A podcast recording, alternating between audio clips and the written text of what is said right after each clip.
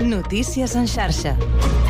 Bona tarda, són les 4 per la Marc Ventura. En marxa en aquests moments el dispositiu del Servei Català de Trànsit arreu de Catalunya per l'operació sortida del pont de la Puríssima. Trànsit calcula que sortiran de l'àrea metropolitana de Barcelona 460.000 vehicles i es preveu una mobilitat densa, sobretot en carreteres com l'AP7, on, per cert, hi ha hagut un accident amb tres camions implicats eh, que estan deixant 13 quilòmetres de retencions intermitents. Per tant, connectem amb el Servei Català de Trànsit per saber l'última hora de l'estat de les carreteres catalanes. Fina Alaque, bona tarda. Hola, bona tarda. Doncs situació viària en aquesta operació sortida del pont de desembre a l'autopista AP7. Hi ha 13 quilòmetres de retencions en sentit Martorell entre Mortonès del Vallès i Barberà, en sentit, com dèiem, en sentit sud. En aquest punt, a l'altura de Barberà, hi ha dos carrils tallats per un accident entre tres camions que hi ha hagut aquest matí i encara la incidència, com dèiem, restringeix dos carrils de la calçada en sentit sud i provoca 13 quilòmetres de retencions en aquest tram. També hem de destacar en sentit nord, en sentit Girona en aquests moments, observem per càmeres que ja registren 9 quilòmetres de cua entre Sant Cugat del Vallès i Barberà, com dèiem, en sentit nord. Altres punts amb retencions són les rondes de Barcelona, sobretot la ronda litoral, amb aturades en gairebé tot el seu recorregut en sentit Trinitat i també la ronda de dalt amb retencions entre la carretera d'Esplugues i l'altura de Via Júlia en sentit Trinitat. De moment això és el més destacat. Molt bona tarda. Gràcies, Fina. Seguirem pendents de la situació de les carreteres catalanes en propers butlletins. Mentrestant, i encara en clau de mobilitat, la Generalitat apujarà els preus dels peatges un 3,3% a partir de l'1 de gener del 2024, data en què també entrarà en vigor l'ampliació del descompte de la C32 a Cubelles. I també en mobilitat talla la línia R15 entre els eh, Guiamets i Marçà-Falset per una incidència a la infraestructura de DIF. De moment no hi ha transport alternatiu per carretera. En successos, 12 anys de presó per a Dani Alves és la condemna que sol·licita la noia que va denunciar l'exjugador del Barça, a qui acusa d'haver-la violat en un petit lavabo a la discoteca Sutton de Barcelona el passat desembre de 2022. I interrompen el Congrés amb una bandera de Palestina i amb crits a favor del poble palestí mentre parlava el ministre d'Exteriors, José Manuel Álvarez, i se'ls han acabat enduent a la força. I més notícies en clau esportiva perquè en bàsquet la penya ha viatjat avui cap a Turquia on jugarà demà a les 6 a la pista del Besiktas en partit de la desena jornada de l'Eurocup. Això és tot. Fins aquí les notícies en xarxa. Notícies en xarxa. 4 i 3 minuts. Comença el Connectats.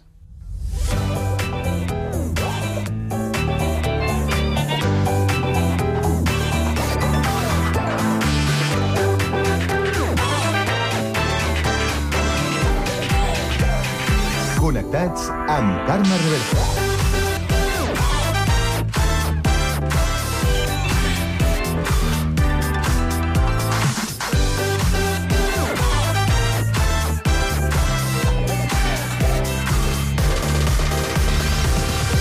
Molt bona tarda, salutacions i benvinguts al magazín de tarda de la xarxa al Connectats de l'àrea metropolitana de Barcelona. Un programa que, com sabeu, fem Ràdio Sant Cugat, Ràdio Sabadell, la Municipal de Terrassa, el Prat en Ràdio, Ràdio Ciutat de Badalona i Ràdio Castellà. Una salutació de tot l'equip conduït a la part tècnica per Pablo Palenzuela i de qui us parla, Carme Reverte. Avui és dimarts, 5 de desembre, a les portes d'un macropont. També volem saber quin temps ens espera aquesta tarda. Lluís Mi Pérez. Bona tarda. Molta gent ja pendent del temps que tindrem durant el pont de la Puríssima i, de moment, les immediates hores, molta tranquil·litat. De fet, el que queda d'aquest dimarts, alguns núvols simplement que no s'acabaran de desfer, sobretot a la Costa Brava, també arribant fins al Maresme, al Barcelonès, però núvols que simplement decoraran el cel. I d'altres que entraran per les Terres de l'Ebre, que aniran deixant una posta de sol molt maca. De fet, al llarg d'aquesta propera nit sí que aquests núvols es faran més gruixuts, més generals, però poca esma tindran. Per tant, no acabaran deixant precipitació. La nit es presenta fresqueta i el dimecres al matí, ja festiu per tant, amb alguns núvols més gruixuts a Repatxamar, es faran més al ronso a la costa de Barcelona, després s'acabaran s'anaran desfent i el que variarà demà és el vent, que serà molt més feble. Per tant, s'acaben les ventades, que avui, per exemple, han afectat les comarques de Tarragona. Ja diem, al matí una mica més carregat, la tarda més assolellada i una temperatura que acabarà sent agradable. De fet, el dimecres a la tarda, un ambient força suau. Estarem fregant, per exemple, als 14, 15, 16 graus a les comarques de l'Ebre i les de la costa. Us seguirem a la xarxa. Doncs avui nosaltres al Connectats parlarem del calendari dels pagesos. Ho farem amb Joan Tomàs, que és l'editor d'aquest calendari. Acabarem la primera hora amb la tertúlia per analitzar el bloqueig del Consell General del Poder Judicial i per parlar de menors i mòbils. Cada vegada són més els que en tenen. A partir de les 5 coneixerem el grup de guies turístics Històries i Llegendes Comedy Tours. Continuarem amb l'espai de llengua per centrar-nos en algunes correccions del llenguatge nadalenc amb el Centre de Normalització Lingüística del Prat. I acabarem amb cultura i una nova visita de les Dames del Crim de Castellà amb noves recomanacions. Tot això i més des d'ara i fins a les 6 de la tarda a la vostra emissora local. Connectats? Comencem. Kiss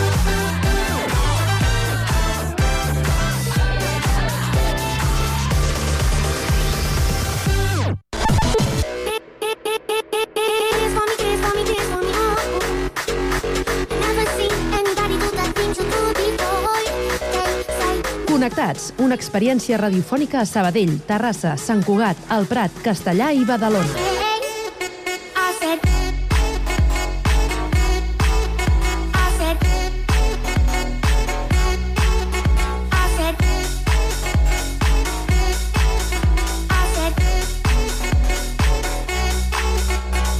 Connectats amb Carme Reverte.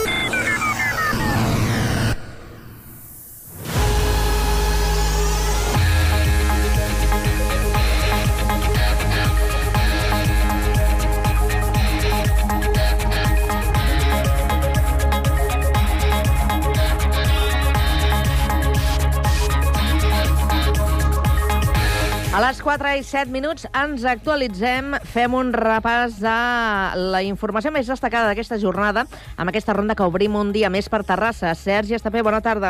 Bona tarda. Terrassa s'avança el decret d'emergència per sequera que es podia decretar a finals d'any i a partir d'ahir aplica el seu pla d'emergència municipal per prevenir futures restriccions. El Comitè Municipal d'Emergència manté la campanya i augmenta les mesures d'estalvi d'aigua com a garantia pel futur subministrament. Amb 182 litres de consum d'aigua per persona i dia, Terrassa no supera el consum mitjà, de moment permès en 210 litres. L'empresa municipal d'aigua manté la reducció de la pressió d'aigua i aplica un nou sistema de detecció de fuites. També preveu una inversió de 3 milions d'euros per al 2024 per millorar la xarxa i un nou sistema de pagament que penalitza els alts consums.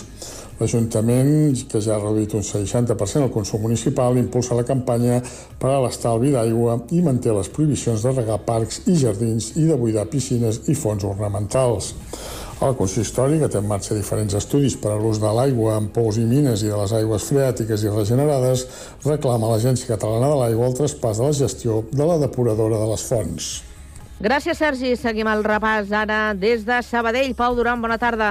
Bona tarda. Nou detinguts a Sabadell, Rubí, Terrassa i Barcelona per suplantar hereus i desviar diners del banc.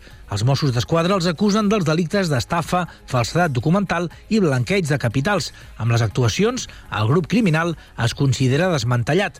La Unitat Central de Blanqueig de Capitals i Delictes Econòmics de la DIC els va detenir el passat 29 de novembre, data en què es van practicar dos registres a domicilis de Sabadell i Rubí. Els investigats captaven terceres persones per fer-se passar per hereus de persones teòricament difuntes i reclamaven els fons dels comptes corrents dels titulars, fins a arribar a més de 2 milions d'euros. Un dels líders treballava a l'entitat financera i desviava els diners a una societat instrumental. Una clienta que va detectar la seva falsa defunció va propiciar la investigació. Entre el patrimoni acumulat s'hi compten vehicles d'alta gamma, immobles a Sort, Masella i Llívia, a més d'objectes de luxe, que en conjunt superen el milió d'euros, una xifra que es podrà destinar a la restitució de les víctimes. Així i tot, els investigadors continuen fent recerca d'altres línies d'investigació, que els porti al descobriment de més col·laboradors i d'altres víctimes. Gràcies, Pau. Anem ara fins al litoral, a Badalona. Andrea Romera, bona tarda. Bona tarda, Carme. Al GEIP, el grup especial d'intervenció de la Guàrdia Urbana, l'integren 18 agents i des d'aquest dilluns ja està operatiu. La nova unitat de reforç actuarà en dos torns, de tarda i nit, i durà a terme les mateixes tasques que feia l'antiga Omega, però amb algunes competències més, com la de policia administrativa. També realitzarà dispositius especials de trànsit i atendrà situacions d'emergència en coordinació amb la resta de cossos policials. Durant l'acte de presentació, que comptat amb la presència d'agents i del nou furgó policial, l'alcalde de Badalona ha deixat clar que la JAIP no és una unitat antiavalots. L'escoltem. Que ningú es confongui, això no és una, anti, una unitat eh, antiavalots, eh? això no és una unitat antiavalots perquè entre altres qüestions no és una competència pròpia dels ajuntaments. Ajudarà a donar tranquil·litat als carrers i en aquelles zones on hi ha més conflictes, donar suport a serveis administratius eh, que es puguin produir, com per exemple doncs, controls d'establiments que no compleixen amb la normativa, etc. Albiol també ha refermat el seu compromís de destinar més recursos a la Guàrdia Urbana. Recordem que l'arribada del grup especial d'intervenció policial es va donar a conèixer a principis de novembre. Els dos principals sindicats del cos policial, PSU i CIPFEPOL, van valorar positivament la seva creació en considerar-lo necessari per una gran ciutat com Badalona i perquè milloraria les condicions dels agents. Gràcies, Andrea. Seguim encara al litoral, ara una mica més al sud, al Prat de Llobregat. Víctor Asensio, bona tarda. Bona tarda. El centre comercial Carrefour del Prat és el primer hipermercat de l'Estat. Avui fa 50 anys des de la seva arribada aquí a la ciutat. Carrefour va transformar la vida social i comercial del territori amb un model fins aleshores inèdit a Espanya. El passat 9 de març es va celebrar l'acte de commemoració del mig segle amb la presència d'autoritats locals, antics treballadores i treballadors, així com una fira de productes catalans que es poden trobar a aquesta gran superfície. El director de Carrefour, Víctor Camps, explica què va suposar l'arribada d'aquest establiment per la ciutat. Va portar un model mm, diferent i sobretot pues, modern de lo que havia normalment a, en aquest país, no? que eren petite, petits supermercats familiars, eh, de, de, de botiguers, on, on el, des, eh, desenvolupament comercial doncs, era més limitat, els volums eren més limitats, la distribució era més complicada i, i això és pues, també encaria una mica el producte. No? Quan va arribar Carrefour amb una línia de distribució més moderna, amb volums, amb descomptes, etc. doncs... Carrefour compta amb una plantilla de més de 330 persones, de les quals el 30% resideix a la ciutat, el 64% són dones i el 36% són homes. Gràcies, Víctor. Deixem el litoral i tornem al Vallès. Uh, concretament ens quedem a Castellà. Guillem Plans, bona tarda. Bona tarda. Per molt que comenci les campanyes comercials i els carrers quedin decorats de llumetes, el tret de sortida de Nadal a Castellà per molts és la inauguració dels pessebres. Els visitants tenen ganes de veure el tema original i innovador de la 73a exposició que ja està inaugurada són pessebres de mites i llegendes. Per exemple, aquest any hi ha representats el timbaler del Bruc, el Pere i el Llop, el Serrallonga, les dones d'aigua, el Pere Botero, l'home dels nassos, el mite de Narcís, el déu Neptú o un personatge llegendari local com la Bíblia, el drac de Sant Llorenç del Munt. En total, hi ha una vintena de pessebres entre diorames i vitrines. Gràcies, Guillem. I abans de tancar un repàs a la crònica de Sant Cugat avui per destacar que la ciutat intensificarà de nou la vigilància i la presència policial als carrers de Sant Cugat, especialment als eixos comercials per prevenir possibles delictes com furs i robatoris durant les festes de Nadal. Els Mossos d'Esquadra i la policia local ja han activat l'operació Grèvol amb patrulles mixtes que volen augmentar la sensació de seguretat tant als comerciants com als vianants. L'operació s'allargarà fins al 7 de gener. Ens amplia aquesta crònica Albert Soler. L'objectiu és evitar furs i robatoris en períodes d'acumulació de gent als carrers i centres comercials quan es fan les grans compres. El cap de la comissaria dels Mossos a Sant Cugat, Manel Rodríguez, ha explicat que les patrulles seran mixtes, amb policia local i Mossos, i que es repartiran els horaris calents, que són els que estan detectats com de més afluència i, per tant, amb més possibilitat d'actes delictius. D'altra banda, incrementaran la presència mòbil perimetral i algun control de pas de les entrades i sortides de la ciutat. Rodríguez, però, alerta que durant aquest període de l'any incrementen dos delictes més, com són els robatoris a l'interior de vehicles i els trasters. L'escoltem. Al Nadal no únicament hem de pensar en aquells delictes de compres, de furs, etc, sinó que hi ha dos delictes també col·laterals molt importants que es donen en aquestes dates nadalenques. Un és el robatori interior de vehicle. Doncs habitualment el que fem és anar guardant en el maleter aquelles compres que fem i continuar comprant. És un greu error. I un altre delicte col·lateral també és el mateix concepte però en els trasters. La policia local, d'altra banda, posa en marxa durant la mateixa època una operació més, l'operació Neula i Tió, que consisteix en fer inspeccions administratives a comerços per controlar articles nadalencs, com són les llums de Nadal o altres garlandes, així com les joguines. L'objectiu és vetllar perquè compleixin amb la normativa de seguretat i qualitat europees.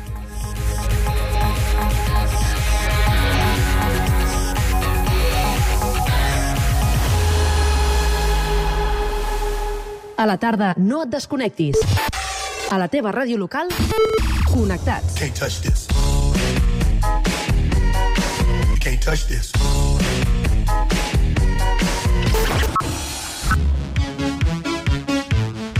Can't touch this. Can't touch this. Connectats amb Carme Rebell.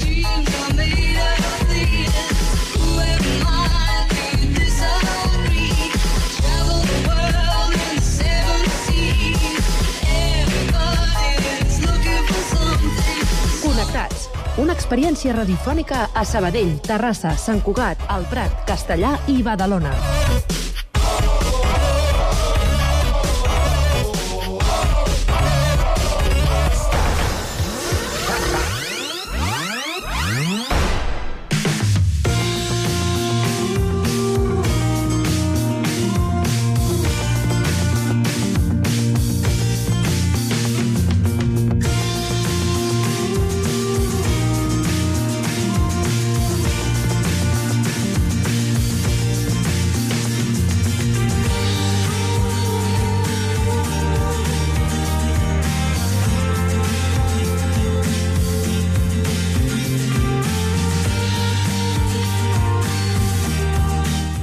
És a la venda el calendari dels pagesos. Aquesta publicació es pot trobar en quioscos i llibreries i marca la pauta de les pràctiques agrícoles pels aficionats a l'horticultura. Anem fins a Sabadell. Pau Duran, bona tarda. En qui podem parlar sobre aquest tema? Bona tarda, en parlem amb en Joan Tomàs, que és l'editor del calendari dels pagesos. Gràcies per atendre la nostra trucada, Joan. Hola, molt bona tarda, gràcies a vosaltres. Suposo que és un gust, no?, quan veus que el, els aparadors de les llibreries ja dius sí, ja, ja el tenim allà, no? Doncs sí, sí, és, és un gust. No, no és per un tema d'orgull, sinó és, que, és que eh, saps que aquest calendari té 163 anys d'història, no? I veure que es ven i que el compra gent jove, doncs, doncs sí, la veritat és que ens satisfà molt, eh? Bé, val a dir que és una peça hi- històrica, no?, i mm, va té aquest naixement de, de tants anys i tal, però a la vegada té una informació mm, recentíssima i important perquè ens avança tot el que ha de passar en aquest any que ha de venir. Moltíssim. Vull dir, nosaltres, si alguna cosa hem fet, eh, ha sigut anar-lo actuali- actualitzant, de fet, tant d'imatge com de continguts. Eh? Aquest calendari mm, fa escassament una dècada, no passava dels, de les 7 o 8 pàgines, no? Ja, I actualment passa de les, de les 50, vull dir, només dir, dir això, no? I llavors, que ja hem inclòs tota mena d'informació, articles d'actualitat. És que és actualitzar-se o morir-se. Vull dir, el calendari està molt bé, la gent el compra per, per tradició i perquè és una cosa tan antiga, però si no hi trobés informació eh, actualitzada i que, i que fos útil, no, tampoc serviria de res, no, al final. El, I expliqueu moltes coses, a banda d'articles d'informació, com deies, també eh, és l'almanac ideal doncs, per estar una mica al dia de les pràctiques agrícoles, no? quan s'ha de sembrar, quan s'ha de Sí, ja- plantar... Sí, hi ha un calendari de pràctiques agrícoles i de sembres i de plantacions. El que passa que eh, la gent això s'ha d'explicar, perquè el que no és pagès, això li va molt bé, li va molt bé tenir un calendari, no? Els pagesos en saben moltíssim avui dia, estan molt informats, no, no comprarien el calendari justament per aquesta informació concreta, no? Però és que hi ha molt altra, molta altra informació, vull dir, a part de les fruites i verdures de temporada, que això sí que per la gent jove val la pena, perquè és que al final ja no sabem què hi hauria d'haver al mercat realment, en comptes de lo que hi ha, no? Clar. I, i el que és de temporada. Uh, hi ha informació de tota mena, o sigui, de, de sortides i postes de lluna, dades astronòmiques, estem intentant recuperar tot el refrenyer català, estem, posem dades també així culturals, històriques... Vull dir, és que hi ha molta, molta informació. A mi m'alegra quan la gent em diu mira, el compro a l'inici de l'any, me'l miro, però és que el tinc a la tauleta de nit, perquè és que tot l'any m'estic revisant i cada dia tro hi trobo alguna coseta que no havia vist, no? I hi ha molta, molta informació, realment. Home, això que deies ara de les fruites, per exemple, eh, clar, un pot estar com acostumat a que tot l'any hi hagi de tot, però només que Sí. sigui per, per, buscant el preu, no? si estem al, al Sí, lloro sí, de sí, quina és la que toca aquella temporada, la cosa canvia. És que és això, vull dir, mm, s'ha d'entendre que la gent ens hem acostumat a que tot l'any hi ha de tot. Tot l'any hi ha de tot. Llavors, per exemple, ara mateix, en aquest moment, aquest precís instant, eh, jo què sé, tomàquets ja s'ha acabat la temporada. Com a molt els tomàquets de penjar, però no hi, ha, no hi hauria d'haver tomàquets, i n'hi ha. Eh, bueno, jo sóc el primer que a vegades en consumeixo, tot s'ha de dir, eh? Però tampoc ens podem queixar llavors de que, de que no tinguin el sabor que haurien de tenir perquè venen d'hivernacle o perquè venen d'altres països. Llavors ens queixem que les coses llunyanes doncs, també tenen una... Ara que estem està tan en, bo, en boga, no? Lo de la, de l'empremta de carboni, la, lo de la contaminació perquè els productes ens venen amb avió de l'altra punta de món. I llavors, realment, la gent tenim molta confusió. I aquest calendari de fruites i hortalisses de temporada l'hem anat ac- actualitzant amb tota la informació que ens van rebent de, de, de molta gent i de molts pagesos, perquè, és clar, Catalunya té, té una cosa també, que és que té una orografia i, una, i un clima molt variat. Tenim molta varietat de, de, de, de microclimes. I, la, I les temporades són llargues, és a dir, que a vegades et truca algú i diu, home, em dius que hi ha peres i nosaltres fa ja un mes que no les collim ja, però és que, és que Catalunya va des del Pirineu, que fa molta més fresca, fins a la punta de, de, de, de, de Tarragona, no? Vull dir, i, però bueno, hem posat uns marges amples de temporades, però sí que se serveix aquesta guia per la gent jove moltíssim, perquè va perdudíssima. La gent jove molt perduda. Mira, només et diré que em, deien que la setmana passada florien Nesprés i jo ja no sé cap on haig de mirar ni què, ni Bueno, què això és un altre tema, clar, clar, clar. A més a més ens trobem, molta gent ens diu, bueno, haureu de canviar al final el, els calendaris aquests. I, i, I francament els estem canviant, realment. Realment. Uh, hi ha coses que, que, que s'han avançat uh, gairebé un mes. La, la, les collites Sí? un mes de segons quins... Sí, sí, no, no, és que ja, ja no és de dies, ja no és de dies, és que s'han avançat moltíssim. Depèn molt de la clima, del, del temps que fa cada, cada, cada any, no? Però hi ha coses que ja són fixes, que ja se sap que, que maduren molt abans, Uh, i, jo crec que això seguirà. O sigui, la barema cada cop s'està avançant més, la recollida de l'ametlla, la recollida de l'oliva, tot es va, es va avançant perquè és que realment tot floreix abans. No només això, sinó que hi ha coses que ja han florit i, i fan una segona florida uh, a principis d'hivern. Llavors ens ve les gelades i és que s'està alterant, s'està alterant realment tota la, tot, el, tot el calendari, tot el calendari de, de, de, de collites i de sembres. I en el calendari dels pagesos, Joan, ja n'esteu deixant constància? Bueno, estem, hem escrit algun article ja sobre això mm, i jo precisament l'any que ve estic donant-li voltes perquè ens agrada molt posar articles d'actualitat, no?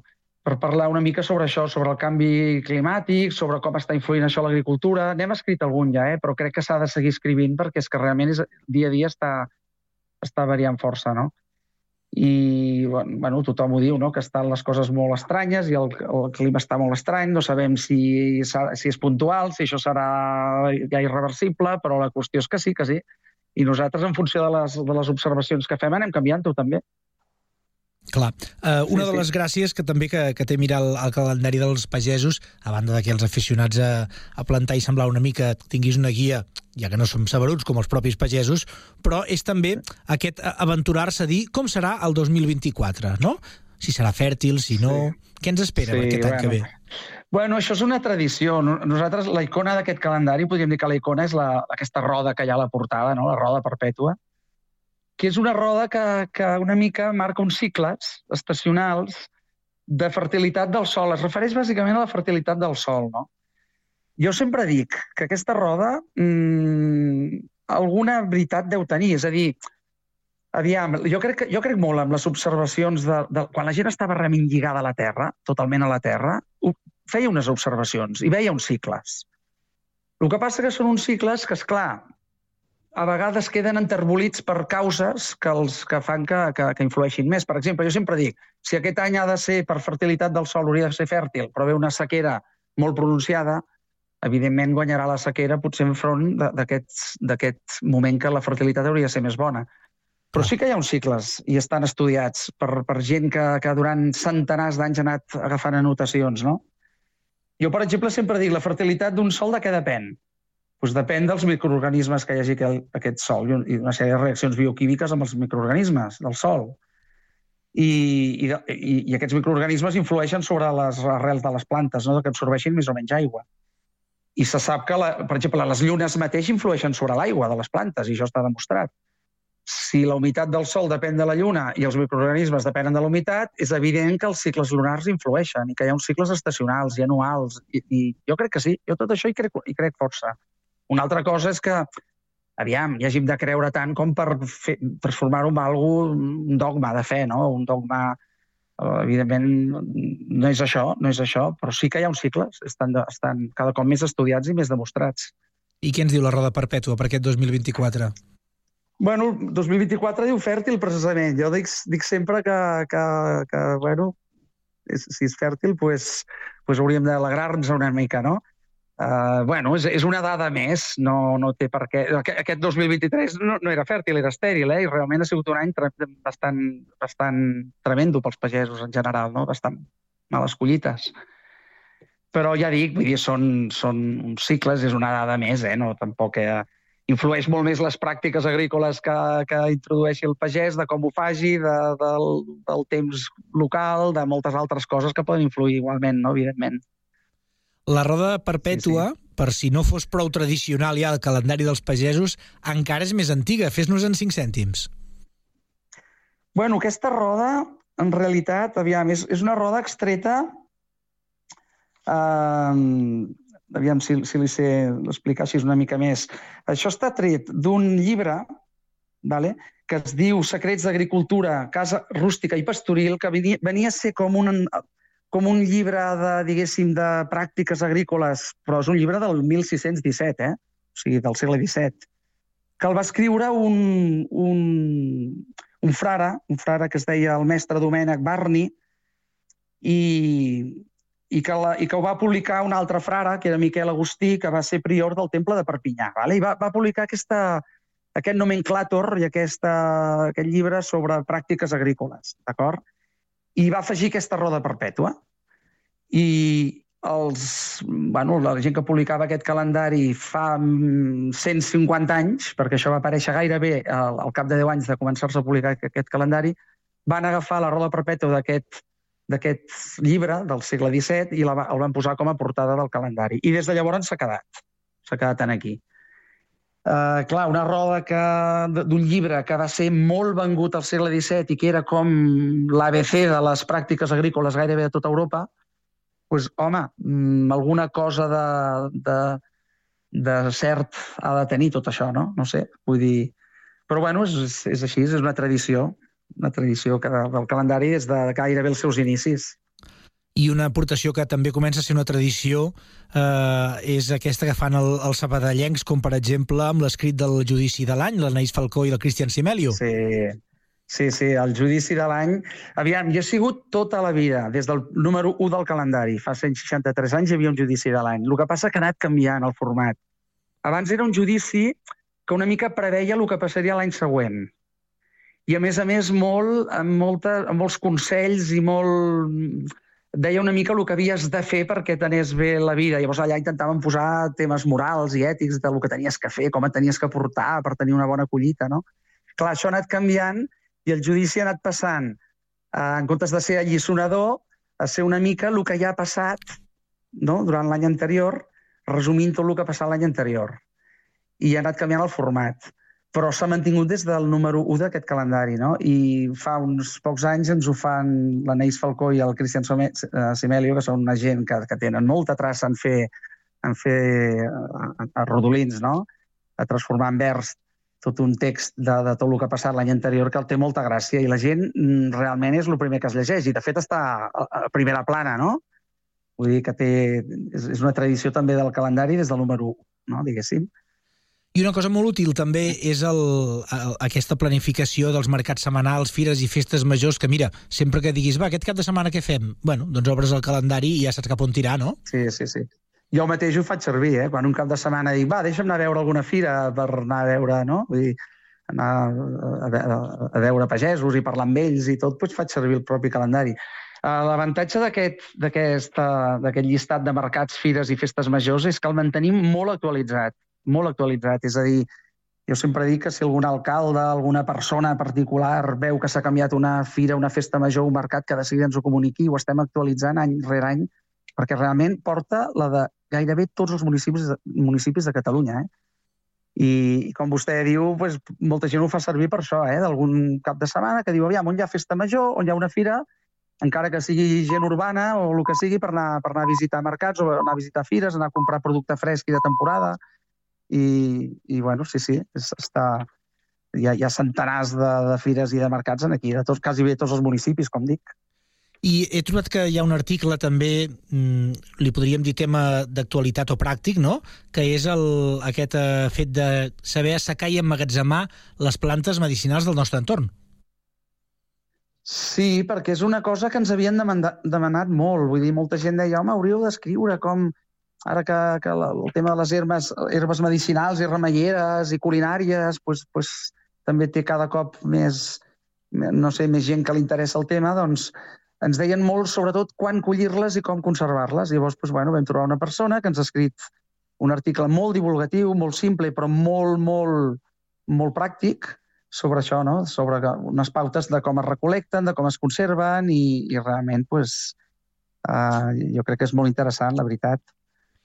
I n'hi ha un parell més que fan referència ja a uns aspectes que van caient en desús, no? però que han tingut la seva importància històrica, com són la transhumància o els reiers. Mm. Sí, sí, la transhumància per això està en una, en una secció que nosaltres anomenem aprendre de la I, perquè creiem que és una cosa que no... O sigui, no, la, la finalitat d'aquests articles no és ser nostàlgic i dir, mira, va existir la transhumància, o l'any passat que vam parlar sobre la- l'atracció la, animal, no? de tornar a llaurar amb cavalls. La finalitat no és gens nostàlgica, al revés, és donar-li valor a unes coses que s'estan perdent i que creiem que s'haurien de mantenir de forma diferent, de forma diferent i que haurien de ser pràctiques que, que, que acabessin um, bueno, que, que, que, o sigui, que no fossin pràctiques en desús i que, i que servissin només de, de, de forma nostàlgica, sinó que realment s'hi guanyés la vida a la gent. La transhumància és fonamental. És a dir, hi ha, hi ha certes animals que no poden estar estabulats, com són les ovelles, que han de moure's, que han de, no poden estar eh, pro- produïts de forma intensiva. I sempre hi haurà d'haver-hi pastors que, que vagin amunt i avall. I llavors nosaltres li hem, hem anomenat aquesta secció Aprendre de la I perquè creiem que són pràctiques que no s'han de perdre del tot, tot i que se'ls ha de donar un altre, un altre, potser un altre tarannà o un altre format. Però precisament n'informem perquè la gent se n'adongui de la importància d'aquestes pràctiques. I, I en aquest article, que també ens l'han escrit gent molt, molt, molt, molt assabentada del tema, jo trobo que és molt interessant llegir-los per adonar-se'n que si perdem els camins ramaders i per, perdem els camins de transhumància, perdem una, una patrimoni molt important pel país. Ho creiem sincerament així, eh?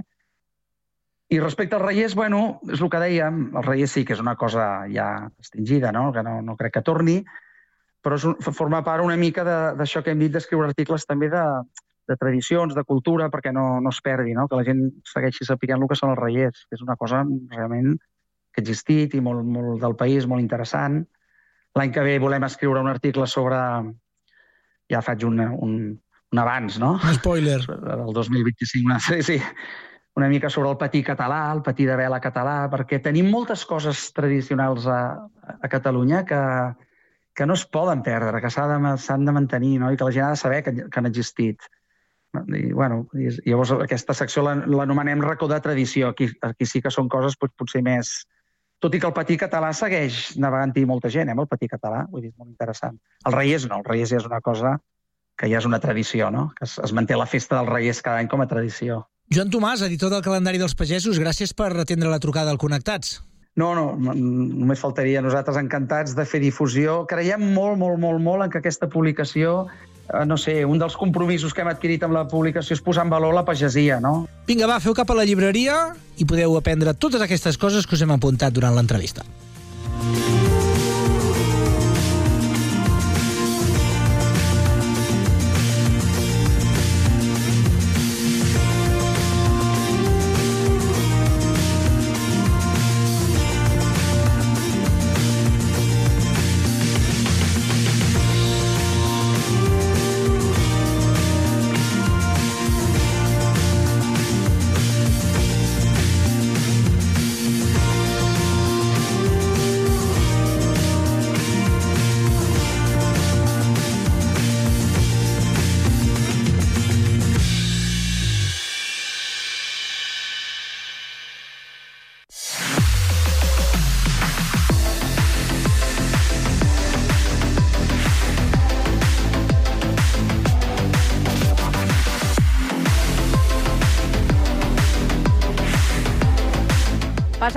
Passen 5 minuts de dos quarts de 5 de la tarda i arribem a la tertúlia. Aquest espai d'opinió que avui el compartirem amb l'Alba Blanco, que és politòloga, i la tenim via telefònica des de Badalona. Alba. Hola, bona tarda a tothom. Hola, bona tarda. Se'ns cola alguna coseta més, eh? No sé si l'Alba té alguna, alguna companyia. És el Quirze. Quirze Hola. Casablanques. Hola. Hola, què tal? Sí. Dic, a veure si a Badalona tenim dues persones. No, és que el Quirze, No. que està a Sabadell, també estava entrant.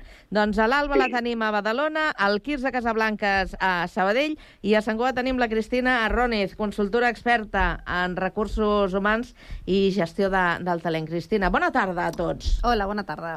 Hola, bona tarda. Bona tarda a tots. Bé, doncs eh, anem amb uns minutets de, de, de retard, eh, però anem molt ràpidament a entrar en matèria. Ahir es van complir cinc anys del bloqueig de la renovació del Consell General del Poder eh, Judicial. Una situació que sembla que és difícil de, de que això comenci a bellugar-se i, i, i comenci a, actualitzar-se, tenint en compte que ni la dimissió de, de, del seu president ni les eh, advertències que s'han fet des d'Europa doncs, eh, no han servit per, per bellugar res. I, I això que en alguns moments, fins i tot, eh, hi ha hagut, eh, eh, semblava un, un cert acord. Eh, no sé com veieu aquesta situació que, mm, que també ens afecta a nosaltres, als, cita- als ciutadans de, de peu. Us sembla que comenci l'Alba? Em sembla molt bé. Vinga, Alba. Doncs una vergonya. La veritat és que uh, és ben curiós, no?, quan llegis a la premsa que arriben molt sobre situacions que es donen en altres països de, en vies de desenvolupament, Amèrica Llatina, però al final és el mateix que, que ha passat a molts països d'Amèrica Llatina o de l'Àfrica, no? És un lawfare, és, és un cop d'estat del poder judicial eh, cap al, al desenvolupament normal de la democràcia. El que no pot ser és tenir segrestat un poder, un dels tres poders de l'Estat a mans de, dels jutges perquè no està d'acord amb quin ha sigut el resultat de les urnes, no? que, que hi hagi una majoria progressista al Congrés i això comporta doncs, que tinguin aquest poder bloquejat uh, durant més de cinc anys. Això és que, és, que bueno, és, és inaudit i la veritat és que la, la solució, com tu comentaves, doncs és ben complicat, no? perquè hi ha, hi ha hagut la dimissió del president, eh, hi ha hagut diferents intents també legislatius per, per part de l'executiu perquè per poder deslliurar eh, desllorigar perdó, el, el, aquest bloqueig, aquest lawfare, i, i bueno, doncs es donen situacions increïbles, no? com que el Poder Judicial eh, es pronunciï sobre la llei d'amnistia abans que aquesta hagi estat redactada i hagi sigut pública. Mm, la veritat és que, que tot això el que porta és que, que cada cop més doncs, la ciutadania deixem de creure en el poder judicial i al final el que està portant doncs, és el col·lapse del, del sistema tal com, com el coneixem avui dia, no? o sigui, basat en, aquests, en els tres pilars del poder judicial, l'executiu i, i, el, i el legislatiu. Així que, doncs, en pro, com ells diuen, de la defensa de la democràcia i de la Constitució, mm, li estan fent un favor molt flac a, a la democràcia i, a, i sobretot a la Constitució. Mm. A veure, Quirze. Eh, Mira, eh, o sigui, l'Alba ho ha dit ben clar. O sigui, els que sempre es queixen de que eh, es maltracta la democràcia, de que es maltracta la Constitució, ostres, què estan fent ara? Què estan fent? És que fa cinc anys. Això, eh, per mi, només fa que de deixar clar la falta de responsabilitat que tenen. Vull dir, Ostres, eh, eh, no podem estar així. Això, o sigui, no cinc anys sense, sense renovar, no, ni cinc minuts. Això estaria ja renovat al seu dia. I si, si volem donar la impressió d'un país que funciona mínimament bé. Home, jo tinc una certa vinculació amb gent d'Andorra, saps? Cada vegada que ens veiem, hola, què, que els vindreu a jutjar aquí, la gent? Perquè, clar, com que no teniu jutges, home, escolta tu.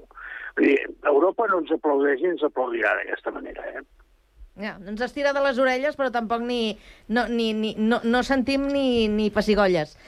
Eh, Ah, exacte. Cristina. Bueno, un poco en la misma línea, ¿no? Una, una vergüenza, un ejemplo claro de, de la no separación de, de poderes y de la politización de, de la justicia, ¿no? Entonces, bueno, al final te das cuenta pues que tanto unos como otros defienden sus propios intereses, por eso no quieren llegar a ningún acuerdo, ni los unos ni los otros. Y, y bueno, y una vergüenza, ¿no? Que, que no sean capaces de, de llegar a un acuerdo y que, y que esté politizado. O sea, me parece vergonzoso que esté politizado y que sean y que sean los propios políticos los que pongan ahí a los jueces afines a cada uno de, de los partidos sin ningún tipo de problemas. Y es lo que está pasando desde hace muchísimos años y continuamos igual. Y nadie es capaz de modificarlo. I mentrestant, mentrestant m'imagino que, que estareu d'acord en què els ciutadans Ah, bueno. són els que continuem pagant els plats eh, trencats, perquè d'aquesta manera, amb aquest eh, bloqueig, eh, mm, podem dir que mm, en certa mida estem desprotegits, no?, de poder estar assistits com, com caldria. Què us sembla, Alba? Totalment, però no només això, sinó també que el que s'està provo- provocant és una desafecció molt gran cap al sistema. És a dir, Mm. que si això no soluciona eh, el més aviat possible, eh, per què hem de seguir creient en aquest sistema? No? En teoria, aquest sistema el que porta és a un equilibri eh, on tots ens volem, no? un poder s'autocontrola l'altre. Si el poder judicial que ha de vetllar perquè el funcioni l'equilibri d'aquest sistema es declara en rebel·lia, o sigui, qui són ells? Que ningú els ha escollit no, cada quatre anys, no? com fem amb, altres, amb els altres poders, està claríssim que crea una indefensió, perquè al final nosaltres doncs, votem cada quatre anys perquè les lleis siguin d'una determinada tendència, no? o més progressistes o més conservadores, i el que està aconseguint el poder judicial amb aquesta rebel·lia és eh, doncs, imposar-nos que tinguem una, una legislació o una lectura de la llei més conservadora perquè ells ho han decidit així. Aleshores, doncs sí, realment és, és molt greu perquè la desafecció és brutal i després, o sigui, amb quina cara tu li dius al ciutadà que ha de complir una llei si, no sé, per exemple, imagina't, no? un robatori del que sigui, doncs mira, te n'has d'anar un any a la presó. Doncs amb quina cara li dius tu com a jutge que, que la persona aquesta ha de complir això si tu com a poder judicial és el primer que no està complint la resolució i estàs, tens un govern caducat des de fa més de cinc anys. Doncs això és el que em sembla també supergreu de tot aquest eh, procés en el que estem, vivi, que estem vivint. Mm -hmm. No, no, però és que bé, això, això per què ho estem? Perquè, o sigui, ara, ara l'Alba ens està parlant de que una persona que fa una malifeta eh, anirà a la presó, d'acord? Però és que eh, el que està passant en el, en el tema del, del poder judicial, això en el món de l'empresa, en aquest tio que, que, que, que s'ha responsabilitat d'això, ja li hauria dit, escolta, demà no tornis, tu, ja n'hi posarem un altre puesto teu. Ostres, és que, no sé, anava a dir em fa gràcia, tot el contrari, no me'n fa gens de gràcia. Ahir sento un del PP que diu és que no nos fiamos de Sánchez porque miente. Eh, això és maco a la campanya electoral, però ara toca ser seriosos, senyors. Ostres, això fa cinc anys que està fora de, està fora de vies. A veure si ho encarrilem d'una punyetera vegada. Llavors, jo, jo tinc una altra pregunta Digues. I a lo millor, i a lo millor pati, patino molt amb l'altra pregunta, però eh, aquell que porta corona no hi pot fer res amb això, perquè, esclar, en segons quins, ca... no, en segons quins casos fot una cara d'empipat, que, ah, i per què no s'empipa ara? Escolta, que el nen Eh? Jesús també porta corona, no? Sí, no, no, no em referia, no em referia a aquest, no, no, que em Ja, referia ja, sembla ja. que no es, diu, que no es diu Jesús, em sembla que no. No, però mira, eh, jo, jo ara, mentre estàvem en la conversa, pensava si algú de vosaltres se, se us acut eh, per on pot passar una possible eh, solució, perquè, clar, em, heu, heu descrit una mica eh, l'estat de, de, de la qüestió, però solucions, a veure, que no serem nosaltres qui donarem la, la solució, però us heu imaginat què caldria que, que passés per solucionar aquest tema? Bueno, jo, és que, a veure, jo, jo anomenava aquell que no es diu Jesús però que porta corona per, per dir, no hi ha ningú que pugui Clar. dir, escolta, a complir la Constitució s'ha dit, que no sigui aquest, que és el que està, en certa manera, per damunt de tot, o hi hauria d'estar. Ell no pot obligar en aquesta llei, escolta, tu, acabem aquesta tonteria i compliu amb la Constitució, que, dicho sea de paso, Sí. és en moltes qüestions que no es compleix la Constitució, eh? No només aquells que fan empipar el PP, no només, només aquelles qüestions que fan empipar segons quins governants. que no es compleix la Constitució. És en, en molts casos que no es compleix. Bueno, ya... ya- Bueno, yo creo que no, lo que comentaba él, pues alguna persona que realmente, pues, es decir, no tenga intereses de hacerlo de una forma o de otra, como tienen los, los partidos políticos, ¿no? Y que no sé si persona, institución, lo que lo que comentaba el compañero, la persona que comentaba el compañero, no sé, pero alguien, ¿no? Alguien tiene que haber que diga, bueno, no, pues, pues si vosotros no sois capaces de buscar una solución, pues desde, no sé si desde Europa, desde un verificador, no lo sé, internacional, Just estava pensant també en aquesta figura. O sea, ahora se van a poner de moda, ¿no? Sí. Un mediador, no lo sé, bueno, pues que, que busque una solución, pero que sea una, una solución que no sea partidista. Mm, difícil. Alba, No, és que és complexa, perquè, clar, justament està muntat d'aquesta manera perquè, perquè no, o sigui, l'executiu i el legislatiu doncs, no puguin canviar el govern dels jutges, no?, el poder judicial. Aleshores, és difícil buscar, tal com està ara mateix la, la Constitució redactada, buscar una solució a, a, aquest, a aquest conflicte. Clar, s'hauria de fer un canvi constitucional eh, per poder per poder cessar els jutges que es declaren en rebel·lia eh, després de cinc anys de que hagi cessat el seu mandat. Eh, és complicat, eh? Jo, eh, la veritat és que penso que, que no s'ha solucionat doncs, per aquest motiu, perquè no hi ha una solució senzilla i perquè les majories no donen. Si no vaig errada, necessitarem una majoria al Congrés o de, de tres qualificades, és a dir, de tres quartes parts, i clar, no la tenen. Ara mateix doncs, els blocs estan molt clars, no? hi ha el 50% de bloc conservador i el 50% de bloc progressista. Clar, I però- mentre la cosa segueixi així, és que no hi ha mecanismes per poder desllorigar això. L'única manera és un canvi constitucional. Aleshores, no, no, no sé, per això no crec, o sigui, per això no s'ha solucionat, no sé, o sigui, apel·lar a la responsabilitat dels jutges i apel·lar a la, a la credibilitat del poder judicial, perquè una altra cosa és que no, no es pot fer. Pero es que, claro, los jueces no tendrían que ser ni progresistas ni conservadores, ¿no? Sí, sí, però no a l'hora d'actuar. Claro, es que claro. Però Claro. això és inevitable, tothom té ideologia i Ja, la però- lectura que fem del mateix tema No tendríamos que saber si esos jueces-. No tendríamos que saber si esos jueces son progresistas o son conservadores. Tendría que ser algo no, no, és privado. que no, no, no, no, no, cal, no caldria saber-ho. Claro, Llavors tendría un que ser algo privado. Ah, i, a, i, a la, i, a la vida, I a la vida de qualsevol persona, un dia has hagut de prendre una decisió que no és la que més de gust et ve de prendre, però és la justa, és la que convé. Doncs, escolta, doncs tu, vull dir... No ho sé, vull dir, escolta, que si jo vull anar a la platja i la resta de la família vol anar a la muntanya, doncs jo m'he de conformar anar a la muntanya encara que no sigui el que jo volia, no?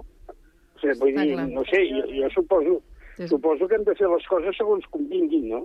Perdoneu, que sembla que parlava una altra persona i l'he trepitjat. no, digues, digues. No, no, digo que aquello del interés común, ¿no? Ah, claro. aquello del O interés sea- común, no el interés propio.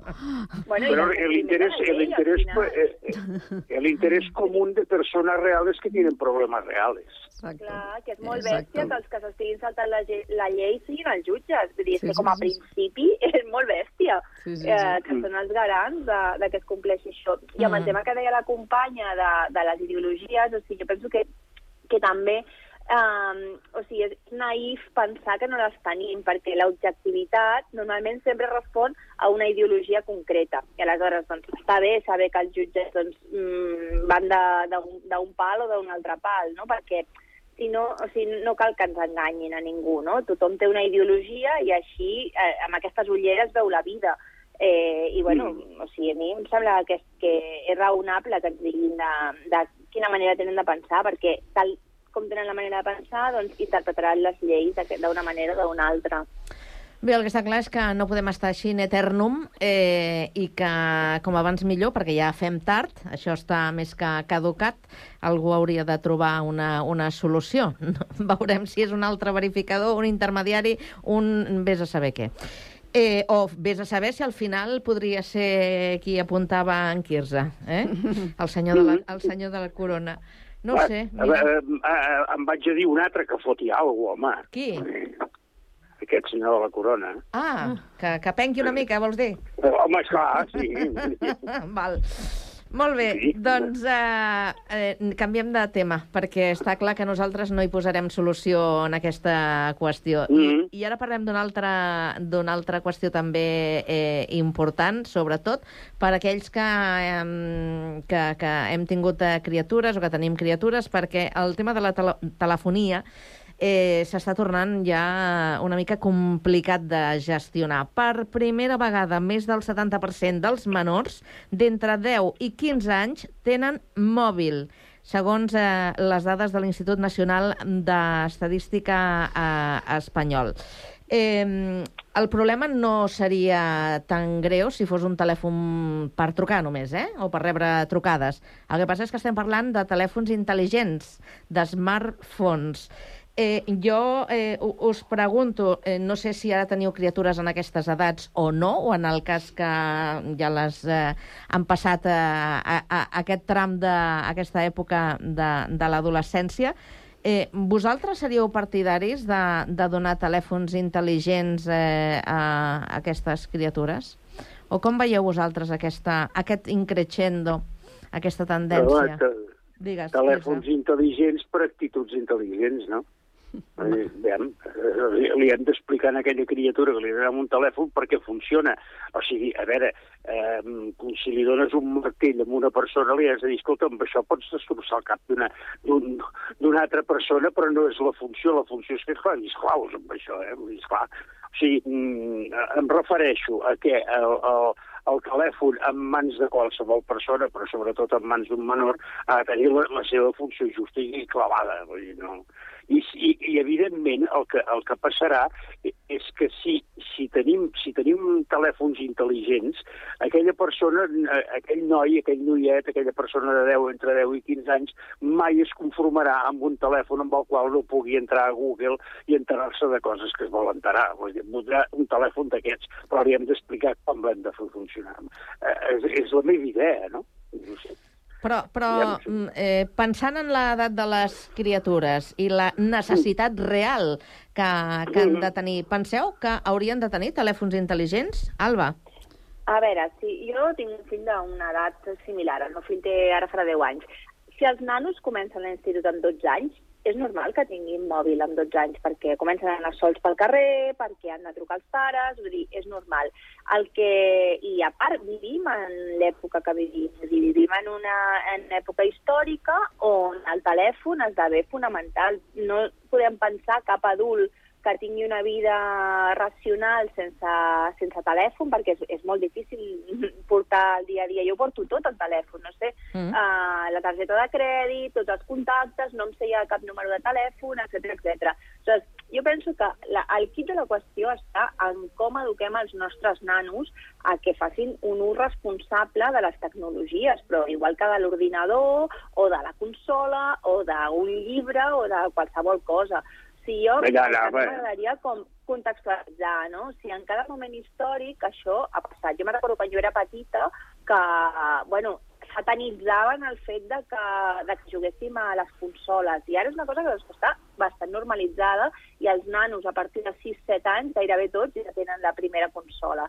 Uh, fa uns anys satanitzaven el fet de les tablets i ara és una cosa que es fa servir a les escoles. Inclús a l'època de Mujercitas satanitzaven que les dones poguessin llegir llibres perquè això ens portava doncs, a, a tenir pensaments estranys. És a dir, que no, o sigui, la, la cosa dolenta no és el telèfon en si, sinó és la falta de coneixement que els nanos tinguin sobre l'ús d'aquesta tecnologia. I jo penso que el que hem de crear són relacions de confiança amb els nostres fills, explicar-los les coses doncs, doncs com, com millor puguem, no? però perquè, i que ells, si tenen dubtes i de més, ens, ens ho expliquin. Però el telèfon és que és una cosa que ha vingut per quedar-se. Jo no, no entenc per què se li ha de prohibir a, un, a una determinada gent d'una determinada edat que no hi accedeixi, perquè, no sé, no sé com faran per posar-se en contacte amb nosaltres, ara que, per exemple, no hi ha un telèfon fixe a casa. No, però hi ha telèfons, eh, hi ha la versió del telèfon que no porta internet, per exemple, eh? Pasa que, bueno, yo creo que ya eh, está todo esto tan avanzado que, que es complicado, ¿no? A, a los niños, pues que todos los, los amigos pues lleven smartphones y el tuyo vaya solamente con el que puede llamar y tal, ¿no? Que decir, también puede ser un poquito complicado o a los propios niños se les puede discriminar, mm, etcétera. Entonces, bueno, yo un poco creo que es eso, un poco eh, tenemos que hacer eh, tenemos que hacer educación ¿no? de, de- de los riesgos que tienen este tipo de teléfonos, que los niños sean conscientes y luego desde tanto de los colegios, pero desde las familias también tenemos que dar ejemplo. ¿Mm? Jo no, jo, jo mai he sigut partidari de limitar i de prohibir de totes aquestes coses. Jo més aviat eh, soc partidari d'educar i que la gent sàpiga el que s'ha de fer. Però és que en aquest moment, vull dir, el 100% de la població que té 18 anys menys un dia sap perfectament que no pot conduir un automòbil. I, i ningú protesta Es, per espera, espera, perquè hi ha, hi ha novetats, eh? Hi ha novetats. sí? sí, sí, sí, En van parlar fa un temps i ara sembla que hi haurà canvis. Serà a partir dels 17 amb un acompanyant, eh, no sé si més Vale. gran de 25. Sí, o... Ara, ara hi, ha, hi haurà novetats, ja en parlarem un altre dia d'això. Digues, Sí, sí, però jo, jo, jo, jo em refereixo que, eh, que eh, avui eh, la frontera és els 18. Mm. Vale, a mi em sembla molt bé, però és que li sembla bé a tothom. Llavors, amb el telèfon no, hi ha una frontera, vull dir, tothom hi té dret i tothom pot tenir, i tothom agafa una gran enrabiada si el seu papa o la seva mama li diuen que no. Dir, noi, dir, en canvi, eh, si, si el papa i la mama diuen no pots conduir automòbils perquè no tens 18 anys, tothom ho entén. Aviam, entenguem-ho tot, Hi ha una no? diferència. O sigui, tu conduint pots matar una altra persona, mentre que amb l'ús del telèfon és una cosa individual i el que, o sigui, cada família Mm. doncs, té uns valors. Jo penso el que sí que s'ha de promoure és per ara hi ha qüestions de, que els nanos ara tenen problemes amb l'atenció plena perquè el telèfon que porta és el multitask. Però això també ens està Mm. passant als adults. O sigui, hi ha molts adults que ja no són capaços de llegir-se un llibre sencer perquè no són capaços Ho hem de de deixar, ho hem de deixar aquí. Disculpa, quina Alba. llàstima, quina llàstima. És una llàstima, quina sí, però llàstima. avui hem començat una miqueta més tard. Alba, Cristina, Quirze, que vagi molt bé. El pont, si el feu, i si no, Ja, doncs exacte. fins a la propera, que vagi bé. Bona tarda. Bona molt, Molt bé, bona tarda a tothom. Adéu-siau.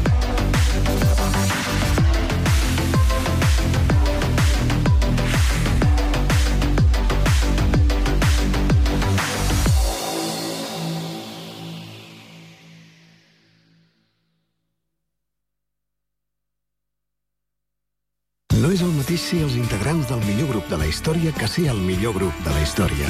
Per això, al grup català Occident serem Occident, perquè per continuar assegurant-ho tot, tot i tot, ens havíem d'ajuntar tots, tots i tots. Entra a seremoccident.cat.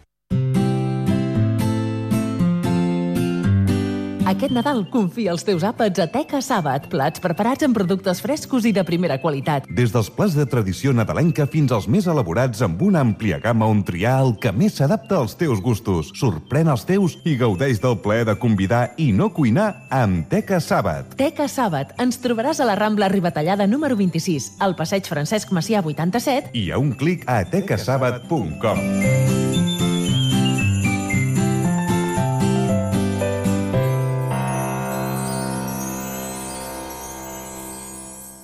Nosaltres.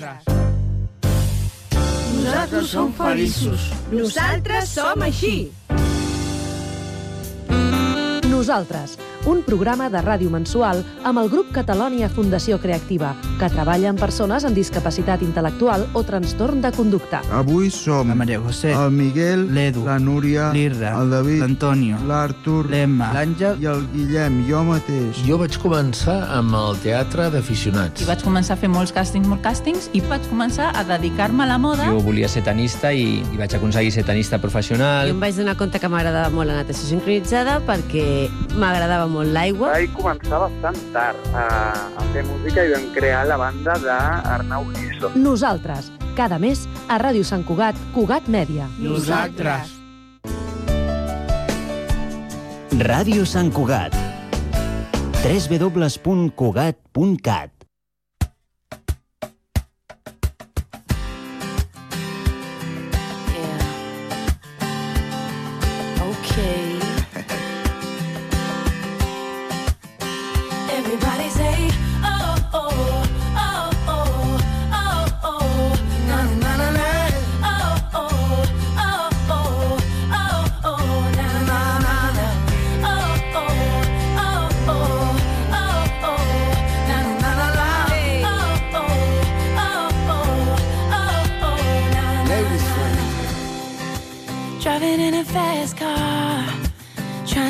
somewhere. Don't know where I'm going, but I gotta get there. A veces me siento perdido, inquieto, solo y confundido. Entonces me ato a las estrellas y al mundo entero le doy vuelta.